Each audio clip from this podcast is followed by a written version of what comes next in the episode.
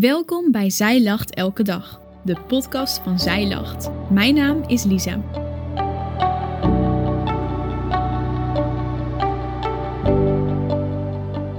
Dit is de overdenking van 8 juni door Marije Dekker Brandwijk. Lijden. Het kan je doen verlangen naar de eeuwigheid.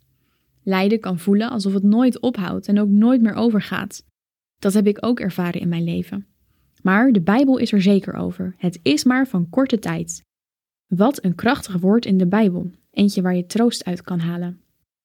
Voordat Petrus het heeft over die korte tijd van lijden, schrijft hij eerst over het feit dat de duivel rondgaat als een brullende leeuw in 1 Petrus 5, vers 8 en 9. De duivel kan ons moeilijkheden geven waartegen we moeten strijden en lijden door ervaren. Het is elke dag weerstand bieden, er keihard voor werken om niet verslonden te worden door die leeuw. Toch staat er wat dat betreft iets wat mij raakt.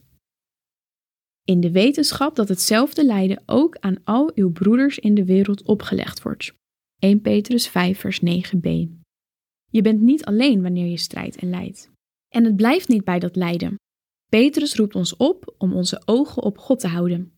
De God nu van alle genade die ons geroepen heeft tot zijn eeuwige heerlijkheid in Christus Jezus. Hij zelf mogen u, na een korte tijd van lijden, toerusten, bevestigen, versterken en funderen. Hem zij de heerlijkheid en de kracht in alle eeuwigheid. Amen. 1 Petrus 5, vers 10 en 11.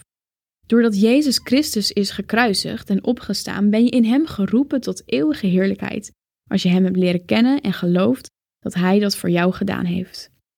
Tegenover die belofte staat nu nog een korte tijd van lijden, maar die is dus kort. Wanneer mensen zeggen: het lijden wat je ervaart gaat een keer over, je zult je totaal anders gaan voelen en dan komt alles weer goed, kan dit als een dooddoener voelen, waar je helemaal niets mee kunt. Maar wanneer het Gods woord is die dat tegen ons zegt, dat het lijden van korte duur is, dan mogen we daarop vertrouwen. Dat het vast en zeker is. Dat mag onze houvast zijn. In 2 Korinthe 4, vers 17 staat: Want onze lichte verdrukking, die van korte duur is, brengt in ons een alles overtreffend eeuwig gewicht van heerlijkheid teweeg.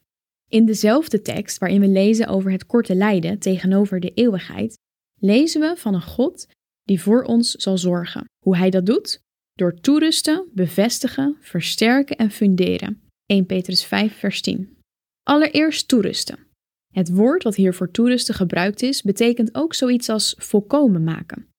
God die zal volkomen maken wat door het lijden pijn heeft en brengt terecht wie afgedwaald is.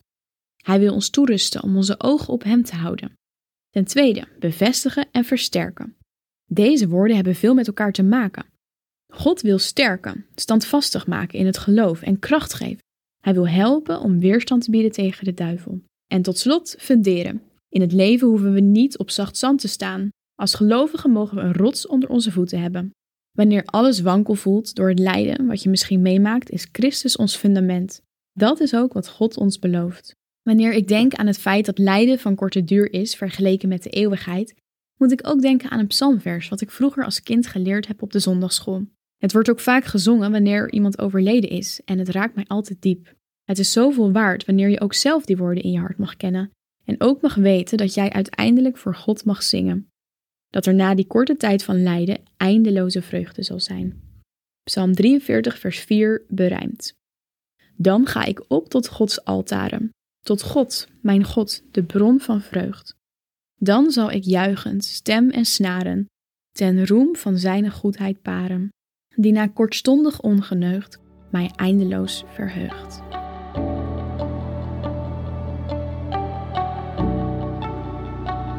Dankjewel dat je hebt geluisterd naar de overdenking van vandaag. Wil je de overdenking nog eens nalezen?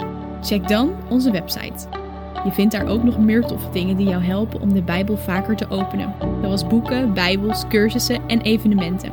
Morgen ben ik weer bij je terug met een nieuwe overdenking. Tot dan!